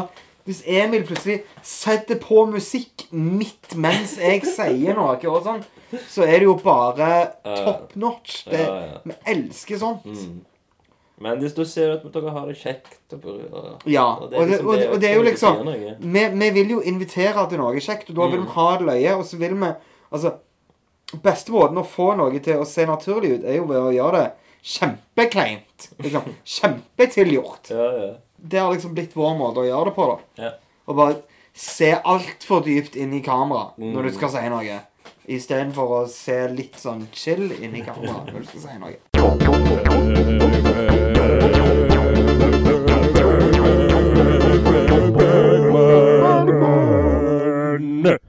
Ok, nå er vi inne i segmentet Bergman. Å, det må ha skrudd på nå? Ja. OK, ja. Greit. Så eh, du fikk en liste over meg, av meg, Ja. over meg. ja. Vi kan kalle han Dom Juan. Dom Ikke Juan, ja. Jeg har peiling på hva det Den med handler om. O-M. Ja, Dom, Dom Juan. Ja, er det dum som i dum, eller som i eh, Dom Perignon, liksom? Det, skal, nå skal, jeg prøver på- D-U-M, liksom? Finne, For nå skal jeg finne synopsisen på Dom Juan, så skal Ja. liksom, du skal ha noe med oss å gjøre. Ja, episoden, ja. Vet du hvorfor du valgte den? Fordi jeg er sånn virkelig ikke en Don Juan i det hele tatt. Jeg er så lite player som du får, liksom. Så det er liksom grunnen til at jeg valgte den, var fordi det var løye. ja, Ehm, på komisk effekt. ja, rett og slett. Det har så, fordi alternativet var liksom scener fra et ekteskap. Ja, Ehm, men eh, Dom Juan er enda bedre. ja. Det er litt trist, den der scenen på et ekteskap. Ja, jeg har jo aldri sett en Ingmar Bergman-film Nei. i hele mitt liv. Ja, Det kan vi jo kanskje begynne litt med. For eh, du, det var én ting du visste vi skulle snakke med om i dag. Ja, og det var Ingmar Bergman. Ja. Og jeg eh, kan absolutt ingenting om Ingmar Har du, Bergman. har du gjort litt, bitte, bitte litt research med å få, sjekke ut hvem det er? Eller hva, Nei. hva det er? Altså, for min del så kunne han vært eh, spiss på volleyballandslaget til Sverige. Liksom. Altså, jeg vet han er filmregissør. Ja. Og så tror jeg han hadde ganske mange unger. Ja. Men at han fikk mødrene disse ungene til å skrive under på noen kontrakter om at han ikke hadde noe juridisk ansvar for dem. Det, det kan være rykter. Ja. Iallfall i mine, mine øyne. Uh, men, men, Han var men en det god mann. Ja, jo da, sikkert. Alle filmskapere er jo det.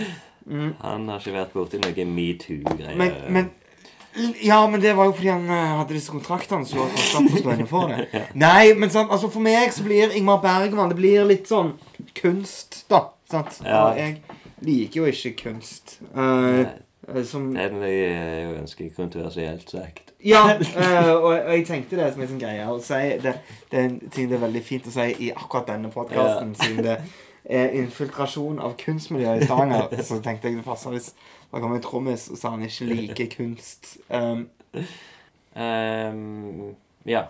Dom Juan. Dom Juan, Uh, jeg finner ikke synopsis på han. Jeg har, har ikke peiling hva det handler om.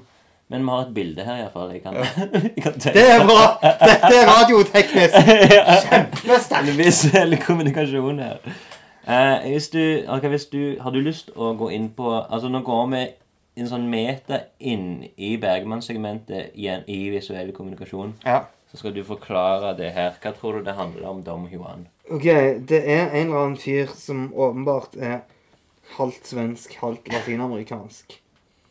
Som sammen med en fyr som ser ut som en ekstremt svensk Dracula impersonator, holder ei dame på en ganske rapey måte. Det er vel egentlig sånn dette Nei, men, men han kler seg litt spesielt, han eh, ene av de. Han ene Altså, han ene? Han ene ser jo ut som han er med i et tysk pasjonsspill.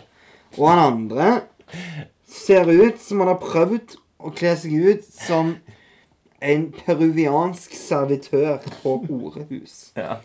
Uh, med en sånn løyen damehatt i tillegg. Og jeg tror det er han som er Dom Juan, da. Ja.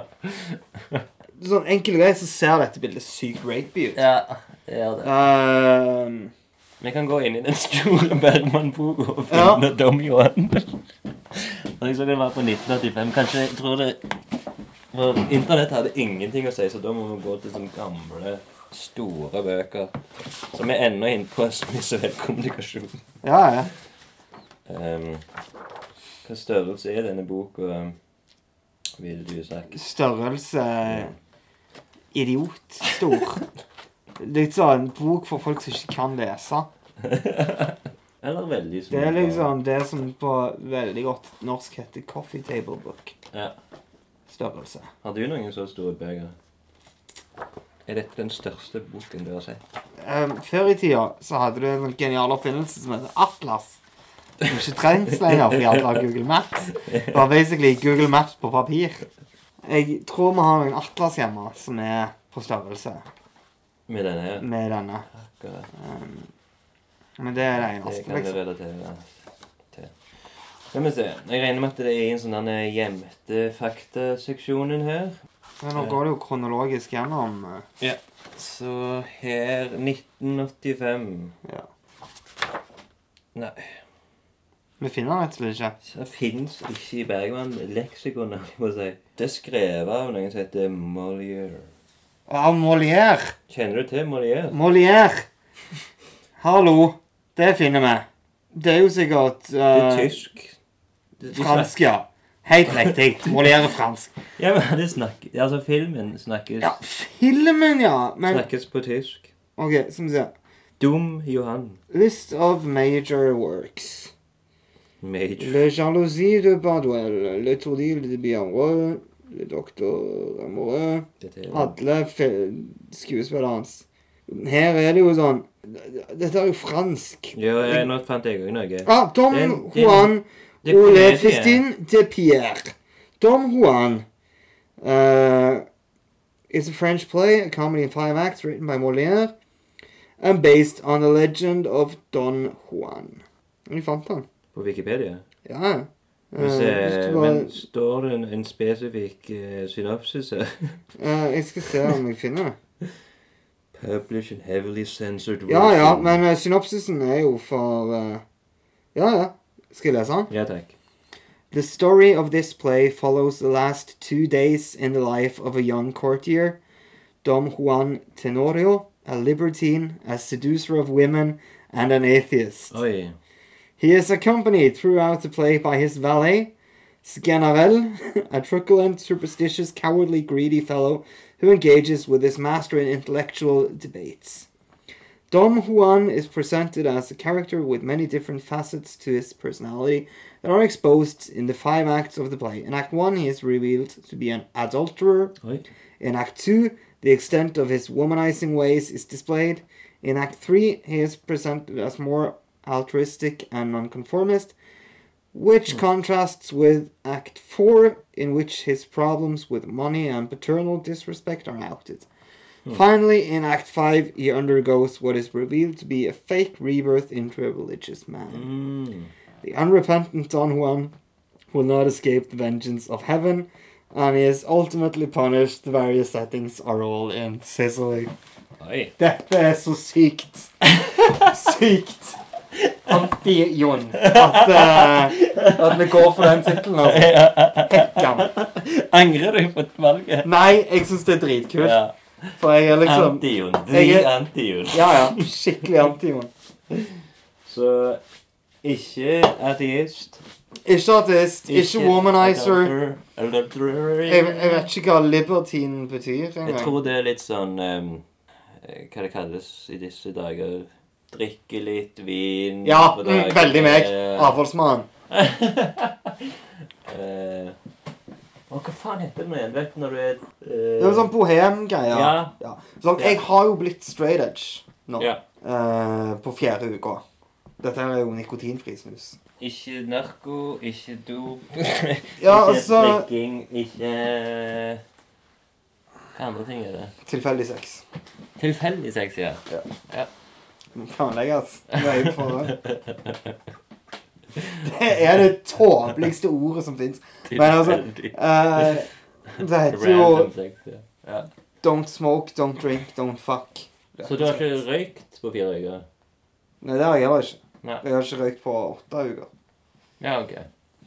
Du har litt sånn røykestemme. Ja. Det er jo fordi jeg røykte i 17 år før det. Liksom. Tror du den stemmen glir over til en sånn eh, ikke-reker. Jeg, hå- jeg håper jo alltid kommer til å ha litt røykestein. Ja. Det er jo tøft, For liksom. det er det som er tøft, ja. Ja. De bør røyke sånn 10, ja, 17 år, ja. Ja, For å få en god stemme som du kan leve med absolutt. resten av livet. Ja. Kanskje du kan gå tilbake til å være lokal- nei, vokalist òg nå? Kanskje. Har du tenkt på det? Ja, litt. Stemmen fungerer jo veldig bra. Ja, På radio. stemmen fungerer på radio. Men eh, Nei, jeg har, jeg har tenkt litt på Men jeg liker å være en del av bandet, liksom. Jeg liker yeah. å bære bandet på den måten som en vokalist kanskje gjør. Jeg liker ikke ansvaret med å skrive sanger og sånt. Nei. For som sagt, jeg er ikke kreativ, liksom. Det fins ikke ei kunstnerisk celle i meg. Jeg kan skrive, det kan jeg, men ikke, Ja, visst kan men jeg kan det. ikke skrive kunst, liksom. Ja, da avslutter vi akkurat det segmentet der. Bergman. Ja. det sklei fort ut. Men eh, det er jo en, noen ting som jeg tar med. Ah, altså, så jeg har en som heter lunken dagbok. Ja. Men vi kan ha en vri litt på den eh, lunken dagbok. ja. Hvordan kan jeg leve med meg selv?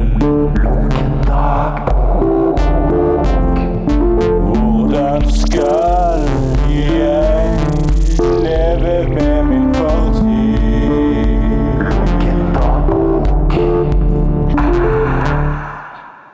Og for du er blogger. ja. Det er kanskje det jeg er mest kjent som, faktisk. Jon i Stavanger. Jonny Stavanger, Men uten H. uten H. Hva, først, hvorfor det valget uten H? Det må du jo spørre foreldrene mine. Heter du ikke Jon Salte med H? Salte med H. Hmm, interessant. Men uh, Jon uten H. Ja, ok. Uh, så det var ikke noe jeg bestemte sjøl. Nei, men da er det, det er altså meg som er redaktør Ja. sin feil. Ja. Uh, Når begynte den? den begynte jo når jeg flytta hjem Til, til Stavanger Ja. fra Trondheim. Uh, som jeg nevnte for ganske lenge siden, en time siden eller noe sånt, Ja. så uh, pleide jeg å være gift. Eh, og Mm. når jeg eh, gjorde det, så bodde jeg i Trondheim. Ja. Så flytta jeg hjem. Eh, og så ville jeg jo holde vennene mine som bodde andre steder i landet, oppdatert på hva jeg gjorde. ja. Det var derfor det heter Jon i Stavanger. Mm. Uh, liksom bare sånn for å skrive hvordan det gikk med meg. Ja. Uh, men så etter en stund så begynte det å gå jævlig dårlig. Ja. Eh, hvis jeg skal være helt ærlig. Jeg fikk sammenbrudd og eksistensiell krise, og det var rett og slett ikke pent Mm. i det hele tatt. Uh, verken å se på eller å være en del av. Og da begynte jeg å skrive om det. ja. For det er jo en dagbok. Det er derfor en Det er jo en, det er jo en slags dagbok. Mm. Eh, deler av det er jo Reisedagbok. Ja. Nei, det- Nei, det- altså, altså del, deler av det er dagbok. Eh, noe av det er meningsytringer. Ja. Eh, det varierer veldig hva jeg skriver. Det var en periode på et år, halvannet, der det var ekstremt sjølmedlidende. Mm. Eh, og det var rett og slett fordi jeg ville gi den elendigheten mange går og føler på, en stemme. Mm. Så, Fordi det er så mange som går og føler på angst og drit og depresjon og rusmisbruk og ensomhet og alt det der. Men så føler de at de er alene om det. Mm. Og så føler de seg bare enda mer ensomme. Så da ville jeg være litt sånn Skal vi se her. Jeg er sånn. Mm. Og det er helt greit. Yeah. Det er lov, det er noe man må gjøre nå, liksom. Det var det som skjedde med den bloggen etter hvert. Og så etter hvert så har jeg at eh, jeg har ikke helt det samme behovet for å utlevere meg sjøl på samme måte lenger. Nei. Så nå skriver jeg litt om musikk, og litt Mm. om film, og litt om politikk, og litt om meg sjøl, selvfølgelig. Og, ja. Ja. Sånn. Men hvor har du en sånn faste tid, eller Nei. Det er bare tilfeldig når Ja. du får lyst Liksom. Altså, det var en periode der jeg nesten skrev tre innlegg til dagen, liksom. Okay. Og nå skriver jeg kanskje ett i uka. Ja. Men det holder du på, og det har du gjort nå i Hvor lenge har du begynt? Tre år. Tre år, ja. Så det har blitt en del innlegg, for å si det sånn. ja. Nei, men det er kult. Jeg, det respekterer jeg veldig mye. Og jeg har lest Jeg har ikke lest alt, men jeg har lest Nei. noe av det. Jeg syns du skriver veldig bra. Jo, takk. Det er takk. derfor jeg, jeg syns du er veldig flink til å skrive. Mm. Men du, har du dagbok i tillegg? Ja, Eller har du hatt? en slags Jeg driver med det som heter takknemlighetslista. Det høres så sykt kleint ut. Har det noe med eh, AA å gjøre? Det har jeg ikke lov til å si. Det er ikke tross alt anonyme alkoholikere. Men det har noe med det å ikke drikke å gjøre, i hvert fall. Um, for veldig ofte, hvis du liksom ikke kan gjøre det du har mest lyst til i hele verden, som å drikke øl, Ja. eh, så begynner du gjerne å synes synd på deg sjøl. Og da er det viktig å huske på hva man er takknemlig for. Så jeg har en sånn greie egentlig med at hver kveld før jeg legger meg til å sove, Mm. så skal jeg skrive ned ti ting jeg er takknemlig for. OK. Og det forandres hver dag? Fra dag til dag. Alt ifra hva jeg gjør på, liksom. Så det blir jo Jeg kan gå tilbake i backloggen Ja. og se og få et innblikk av hva jeg gjorde den dagen. Sant? For jeg er jo gjerne takknemlig for ting som har skjedd. Ja. Takknemlig for folk jeg har truffet. Mm. Takknemlig for gode samtaler med den og den, osv. Takknemlig for at den og den dama var fin å se på. Liksom, altså, Mm. Sånne ting. Ja. Trenger ikke være så sykt dypt. Eh, det er- det er jo en slags dagbok, da. ja. Men en litt kreativ derimot. Det er det ikke. Det er en veldig gammel måte å skrive dagbok på. du er kreativ her. eh, Den eh. skal jeg ikke ha på meg. Nei, men altså Når du sier du ikke er kreativ Du har som sagt drevet med standup. Da må du være ganske kreativ. Og trommegreiene er jo kreativt. Altså Og det å skrive er Ja, men, men greia er at eh, jeg er ikke av typen som Selv om jeg egentlig har en livlig fantasi, Mm. så har den fantasien alltid ekstremt utgangspunkt i realiteten.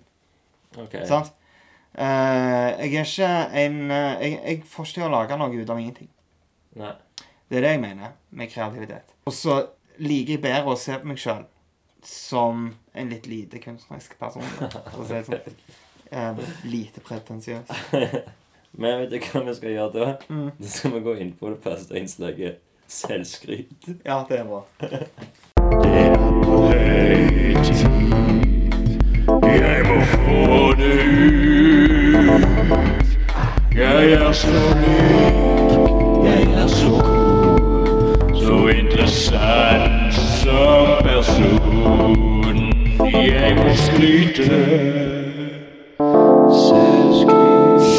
Selvskryt.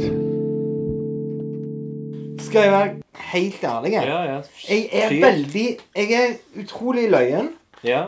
Uh, veldig snill. ja. Uh, jeg, er, Skriv det ned. ja, jeg, er, jeg er over gjennomsnittet flink på gitar, men det er jo fordi gjennomsnittet ikke kan spille gitar i det hele tatt. Jeg vil påstå at jeg er ganske smart. Ja. Har et uh, godt innstilt moralsk kompass. Jeg vil kanskje påstå for godt innstilt moralsk kompass. God smak i klær, god smak i folk. God smak i kaffe, god smak i musikk. Jeg har mye unyttig kunnskap. Altså, nå, nå vil jeg òg Det er jo veldig Altså, du har skryta veldig Jeg syns skryten din var veldig bra. Takk. Jeg, er jeg, jeg er veldig flink til å skryte. Eh, men eh, hva, For nå, det, det som vi ikke har kommet inn på i det hele tatt, er jo hvordan får du tak i penger? Eller òg hva har du liksom studert? Å ja. Hvorfor har du så mye Å, dette er bra, fordi nå kan jeg komme her og være litt sånn Fordi jeg får ikke noe kunstnerstipend for å spille trommer i KTK. Nei, sant. Jeg eh, studerer en bachelor i samfunnsfag på Misjonshøgskolen. Eller VID, som det nå heter. Du gjør det nå, ja? På Kampen. Ja. I mitt gamle nabolag. Ja. Eh, og jeg jobber på et callsenter som driver med spørreundersøkelser. Er det sant? Ja. Hva, hva du spør om da? uh, nei, altså, vi gjør uh, er det sånn Vi gjør liksom. vi gjør stort sett undersøkelser for offentlig sektor for å finne ut hvor fornøyde folk er med offentlige tjenester. OK. Uh, og jeg fikk faktisk ny jobb for to uker siden Ja. i firmaet. da, Fikk forfremmelse. Uh, så nå er jeg teamleder. Oi. Eller supervisor, som det heter i min bedrift. Men basically Hvor liksom sitter, sitter du i en kube? Nei, altså, vi, vi, vi sitter i et stort rom der alle har skillevegger. og så har liksom jeg er sånn Og så har jeg den kule pulten. Den store pulten. Ah, OK. Har Med den stasjonære PC-en. Nei, det har jeg ikke. Uh, jeg sitter ikke i sånn cubicle, liksom. Nei, det jeg nei. Jeg, jeg har kontakt med mine Ja. Har du hengt opp litt sånne ting? på- Ikke ennå, fordi vi, vi er fire stykk som har denne stillingen sammen. liksom. Ja, OK. Så det begrenser hvor mye jeg gidder å customize. Men det er liksom Altså, jeg, jeg, jeg jobber, jeg studerer, og så spiller jeg òg i band. Mm. Liksom. Uh, Men hvor, hvor stor er Eller hvor ofte Er det 100 sti- liksom, nei, jobb? det, det er Det er en eh, ekstrahjelpkontrakt, liksom. Uh, yeah. Jeg jobber et par-tre ganger i uka. Yeah. Uh, hovedinntekten min er studio, da. Ja. Eh, For hvor ofte er du på skolen, da? Jeg gikk for langt. Håper rektor hører på det. Nei da. Jeg, eh, jeg har et par forelesninger i uka og prøver så godt jeg kan å gå på de. Ja. Uh, I tillegg så sitter jeg er aktiv i studentdemokrati på skolen. Så jeg går en del på skolen utenom òg for å drive om pol studentpolitikk. Ja. Som ikke må forveksles med skikkelig politikk. Men har du studert andre ting før? Ja, altså, greia var det um, Litt løgn historie. Jeg uh, begynte på europastudier på NTNU når jeg bodde okay. i Trondheim. Jeg gikk Det gikk ut på i et halvt år. Det er et sånt bastardstudie. Eh, blanding av eh, sam- statsvitenskap, historie og språk. Så jeg gikk europastudier med engelsk. OK. Og så, etter første semesteret, da, så flytta jeg hjem til Stavanger. Mm. Men dette var jo ikke en planlagt hjemflytting. Det var veldig sånn Jeg pakker kofferten og flyr hjem i morgen. jeg. Ja. Tur. Og så, midten av januar, så ringer jeg til UiS for å spørre om jeg kan gå på gå, Ta liksom noen sånn engelskfag, Ja. i hvert fall. Bare for å ha noe å gjøre på mens jeg er i denne Ja. ekstreme livskrisen. For det var veldig synd på meg. ja. Og så sa jeg nei, nå er vi så langt ute i semesteret. Midten av januar. Jeg holdt jo på å si kødder du? Er du dum i Ok. hodet? Ja. Så langt ute i semesteret. Gidd å være litt behjelpelig. Altså, Mm. Det er jo åpent studium. Det er jo ikke som det er fulle forelesningssaler på Mm. engelsk årsstudium på Universitetet i Stavanger. Nei. Så jeg ble jo ganske snurt. Men så sendte jeg en mail til Misjonshøgskolen, da. Fordi eh, familien min har tette bånd. Ja. Misjonshøgskolen, så jeg fikk tips om det. Og fikk svar med en gang. Ja, altså, du kan jo begynne på bachelor med en gang hvis du vil det. Ja. Så da gjorde jeg det. Og nå er jeg snart ferdig. Og du trives med det? Ja. Ja. Jeg tror ikke det kommer til å bli noe av det. Uh, så jeg skal studere mer etter. For du liker kunnskap og få det? Og Ja, jeg leve. syns egentlig det er ganske kjedelig å lære. Men, uh, men jeg vil ikke jobbe på callsenter resten av livet heller. Nei. Det er litt det som er greia. Uh, men jeg, jeg, har, jeg har jobbet i telefonbransjen av og på i ti år, OK. faktisk. Og det er, det, det er ikke glamorøst, liksom. Nei. La oss si at jeg treffer ei dame, da. Ikke at, ikke at jeg dater eller noe Liksom. La oss si at jeg treffer ei dame, syns hun er søt, Mm. og så spør jeg hva gjør du på. Så sier jeg jo først at jeg spiller i rockeband. Ja. Ja, ja. Og så sier jeg at jeg studerer. ja. Og så liksom, hvis hun begynner å spørre om jeg er arbeidsledig, eller noe sånt, da sier jeg nei, nei, jeg har en jobb, altså. Så da har jeg bare henga veldig lenge og satser på at du ikke spør hva jeg jobber med.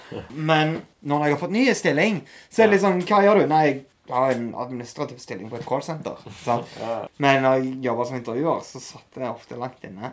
Og det er jo fordi eh, jeg har blitt shama for jobben min. Sant? Både på jobb, med at liksom de jeg ringer til, Ja, ja. er frekke i kjeften. Eller liksom når jeg blir kjent med nye folk. Så er det sånn, hva gjør du når jeg jobber som telefonintervjuer? «Øh, du er en sånn som ringer og plager oss. Ja, jeg er en sånn som gjør jobben min. Tjener penger. Betaler skatt. Hva er det liksom det verste du får eller når de ringer? Ja, når du ringer og Nei, altså. Greia er jo det at vi, vi, ber jo om det. På en måte. Ja. Vi ringer jo på søndager. Vi ringer midt i Dagsrevyen, vi ringer midt i fotballkampen. Mm. Fordi vi må ringe når folk har fri. Ja. Men i fjor så ringte jeg på en helt vanlig Eller jeg tenkte jo helt vanlig onsdag eller noe sånt i juni. Så var det en som tok telefonen, og så sa jeg liksom hva jeg het, og hva firma jeg fra. og så spurte han, Er du klar over at det er sankthans? og sånn, da, da fikk jeg seriøst lyst til å snakke tilbake. Liksom. Det er en helt vanlig dag. Ja. Så, og sånne ganger så er jo første reaksjonen min Ja, hvordan det? Er du katolikk, eller? Liksom. Fordi Hvem bryr seg? Vi ringte lille julaften, liksom. ja, ja. Vi ringte første nyttårsdag. Sankthans er ingenting. Men det er noen dager som er hellige, liksom, for dere. Nei, ja, nyttårsaften og julaften. Ok. Første juledag. Påskeaften, den er Da skal du spille. Men vi ringer hele påsken. Da har jeg spilt. uh, nei, vi, har på grunn av uh, hva oppdragsgiveren vil at vi skal gjøre, Ja. så ringer vi. Men altså sånn som meg, da, som en sånn som tar imot en sånn telefon, da. Ja. Hva er den beste måten å få liksom en Å bli avfeid? Hva er det beste jeg kan si, da, for at det går At du ikke føler det drit? Nei, det har jeg ikke lyst til. ja. okay. Altså, det er liksom Det er det beste. For Ja. det, det forstår vi. Ja. Derimot, hvis du sier 'Jeg har ikke tid nå', ja. Den tar jeg ofte. ja, men da kan jeg ringe tilbake igjen. ja, ok. For da har du jo sagt at du ikke har tid. Men så Ja. sier jeg 'Jeg har ikke lyst'. Ja. Helt fair. ja. Liksom. Ja. Mm. Beste svaret. Å være ærlig, liksom. Ja. Og så ikke kall meg et fittetryne eller be meg om å dra til helvete. Eller noe sånt. For da For altså, litt av greia Jeg tåler det. For det Ja. kan hende at den du snakker med, ei 17 år gammel jente som har Ja. første dag på jobb Mm. og har fått den jobben for å få råd til et par ekstra Bacardi Briser i russertida, liksom. Og du vil ikke at hun skal begynne å grine første dag på jobb. Uansett hvor stygg du er. Hvis du skulle gjort et nytt yrkevalg, da, sånn et ønskelig Bortsett fra rockestjerner, liksom. Ja, for det er jo dessverre ikke heis yrke... Jo da, det er yrkestittel, det. Uh, men nei, altså Den egentlige drømmen var å bli ungdomsskolelærer. Okay. Men eh, pga. politikka di så eh, driver jo reglene og kravene for ungdomsskolelærere endrer seg hele veien. Så jeg gidder ikke lenger. Okay. Jeg gidder ikke prøve på det. Mm. Eh, så planen min nå er å prøve å komme meg inn på noe sånn trøst- og bærefag. Liksom sosionom eller vernepleier Ja, ok, eller sånn, ja. et eller annet Mm. sånt. Ta en bachelor i det. Ja. Og så jobbe med vanskeligstilte ungdommer eller rusmisbrukere eller noe sånt. da. Ja, men det, det er jo fint. Det, Mm. det gir jo deg jo noe. Ja, drømmejobben er en jobb der jeg bare trenger å jobbe én dag i uka, Mm. tjene én million kroner i året og føle at jeg gjør en forskjell for folk. Ja. Men hvis to av tre er oppfylt, så er jeg fornøyd, liksom. Det er egentlig ett av tre, liksom. Ett av tre. Viktigste er at jeg får jobbe med noe der jeg føler jeg gjør en forskjell i folk sitt liv, liksom. Og er til nytte for noe. Mm. Penger er ikke så viktig. Altså, jeg må jo ha til å leve, men ja. ikke mer enn det. Ok, så nå så jeg må snart begynne å avrunde. Mm. Men eh, da, da pleier jeg av og til å avrunde litt med Har du ting å promotere? Ja, øh, vi slapp en singel for tre uker siden og spilte en konsert for to uker siden. Skal gjerne promotere det. Ja. Eh, nei, jeg må jo promotere bandet mitt. Ja. Selvfølgelig. Altså, vi er jo Stavangers definitivt kuleste rockeband. Mm. Og vi spiller på Musikkfest I juni. 2. juni. Uh, og vi slipper singler fortløpende. Vi har veldig lyst til å gi ut musikken vår på vinyl, Ja. men har veldig lite penger. Så hvis noen har lyst til å gi oss masse penger til vinyltrykking, så setter vi pris på det. Har dere tenkt på crowdfunding eller Patrion? Vi har faktisk en sånn crowdfunding-side. Okay. Vi bare markedsfører den ikke fordi vi syns det er litt sånn Pinlig. Ja. Det er jo det. Crowdfunding er ganske pinlig. Det er det. Men folk kan få gratis capser, kanskje, og sånne ting. Men Hvem har lyst på det? Nei, men altså øh, Vi øh, håper jo at liksom at, får, at firmaet får en stabil nok økonomi til at vi kan gi ut noe fysisk. Og liksom Hva er firmaet? Nei, altså Kåte klør DA, liksom. Men, Ja, ok. er du et band, så må du være et firma. Dere gir det ut sjøl? Altså Ja, nå gjør vi det. Ja. Hvis folk går i liksom Epitaph Records hører på dette og tenker det er vel mye ut, så Mm. kan de bare sende kontrakt i posten, Okay, liksom. Ja. Det er ikke det. Eh, Vi har ikke et sånt prinsipp om at vi må gi det ut sjøl. Men per dags dato gir vi det ut sjøl, for vi er ikke signa på et plateselskap. Ja, OK. Sånn, ja. Okay. Det er ikke sånn prinsipp at nei, nå vi Nå må vi gjøre det sjøl. Nei, vi er ikke Black Flag, liksom. Nei, okay. De, de lagde jo vinylplatene sjøl. OK, shit. Ja. Sånn er ikke vi. Det blir stress. Det vet jeg ikke hvordan du gjør. Det gidder jeg ikke lære heller. Og så vil jeg eh, promotere meg sjøl som eh, medmenneske. Rett og slett. Instagram. Ja, det har jeg òg. Vil du promotere det? Eh, som eh, generelt nettplattform eller min egen bruker? Din egen bruk. Min egen, min, min egen bruker Jo da. eh, brukernavnet mitt er Jonny Saltorini. Eh, og eh, Uten H. uten H. Jeg er ganske aktiv på Instagram. Det har liksom blitt en slags sånn mikroblogg Ja. for meg. Mm. Og det er faktisk litt løye, da. Ja. Uh, fordi uh, når jeg slutta å drikke, så følte jeg at jeg mangla noe fellesskap. ja. Så av en eller annen grunn så fant jeg liksom i dette hashtag-universet OK. Så fant jeg da masse andre folk som slutta å drikke. Og et slags sånn fellesskap for folk som ikke drikker. Eller, Ja. altså ikke avholdsfolk, liksom, men, uh, men rusavhengige. Et fellesskap for rusavhengige i denne hashtag-jungelen Ja. på Instagram. Så det var sånn jeg liksom ble aktiv på Instagram. OK. Eh, men, men nå er det liksom Nå er det veldig mye punk. Ja. Eh, og plater. Eh, og meg som drikker kaffe og slutter å snuse og sånn.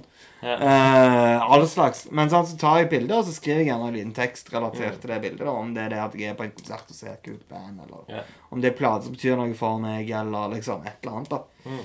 Så bruker jeg Instagram ganske aktivt som en slags sånn Ikke fullt så mikroblogg som Twitter, men ganske mikroblogg. Ja. Jeg tror kanskje vi fulgte hverandre på Instagram før vi offisielt Det tror jeg òg. Ja. Det tror jeg òg. Lunken kaffe. For jeg, da, da fatta jeg ingenting av hva disse lunken kaffe-greiene var. Tok opp noen tegninger, og så hette det lunken kaffe. Liksom. En tegneserie, eller sesong syv, liksom. Hva mener han med dette her, da? Men så var det jo eh, Ja, har du funnet ut av det? Har jeg funnet ut nå. Det begynner å demre nå. Hva en podkast er. ja, nei, jeg er ikke så god på hashtags. Så. Nei, men sånn, det, er jo, det er jo bare sånn du får resten av verden til å oppdage deg, de som ikke Mm. følger deg allerede. Ja. Sant? Og jeg, jeg er ikke noen sånn følgerhore, liksom. Det er jeg ikke. Men uh, det er jo litt sånn Hvis du har noe å komme med, hvis du vil nå ut med noe Ja. til mange folk La oss si at vi slipper nye singler, da. Mm. Så, så må du jo ha noen hashtags. Og da nytter det Ja. ikke finne på noen nye hashtag, Så må du jo slenge deg ut på noen etablerte Ja, hashtag. sant? Det er jo det som er hele poenget med det. Mm. Nå ut til folk. Eh, og så har du jo bloggen din. Jeg har bloggen min. jonnystanger.wordpress.com. Kom inn med. Eh, som er veldig bra. Har du noen shoutouts? Shoutouts! Shit! Men jeg vil ha Nei, kanskje det Er det litt sånn at du er redd for eh, at det er noen du glemmer? Ja, rett og slett. Uh, men alle jeg har nevnt allerede i dag, Ja. syns jeg jo bør liksom nevnes om igjen, da. Mm. Uh, sant? Harald, Emil, Sara, som lager videoene våre, Mm. og bare generelt sett er awesome. Og uh, Fredrik? Fredrik Brimsø, Mm. som er en skikkelig kjernekar, Ja. rett og slett. Han må jeg prøve å få i denne settingen. Å, Kanskje. du kommer til å drite på deg. Han er skamløyen i absolutt alle setninger. Det, det er et problem å henge med han, liksom. Okay. Fordi du smiler for meg, du får vondt i fjeset. Han er jo tross alt komiker. Ja. Men han har, han har blitt nevnt nå eh, faktisk en del Ja, for Prikkedøden backer jo Martin. Mm. Og, og Harald har nevnt. Ja. Så denne sesongen har vel handla litt om han. Det fortjener han. Det fortjener han. Må være den siste episoden, liksom. Ja, ja, Skal være sånn dramaturgisk perfekt. ja, men han, han er jo bare en kjernekar, liksom. Ja, kult. Jeg henger ikke med folk som drit. Og det er med de ordene, så takk for i dag. Tusen takk, Jon Salte. Takk for at jeg fikk komme. Kaffe.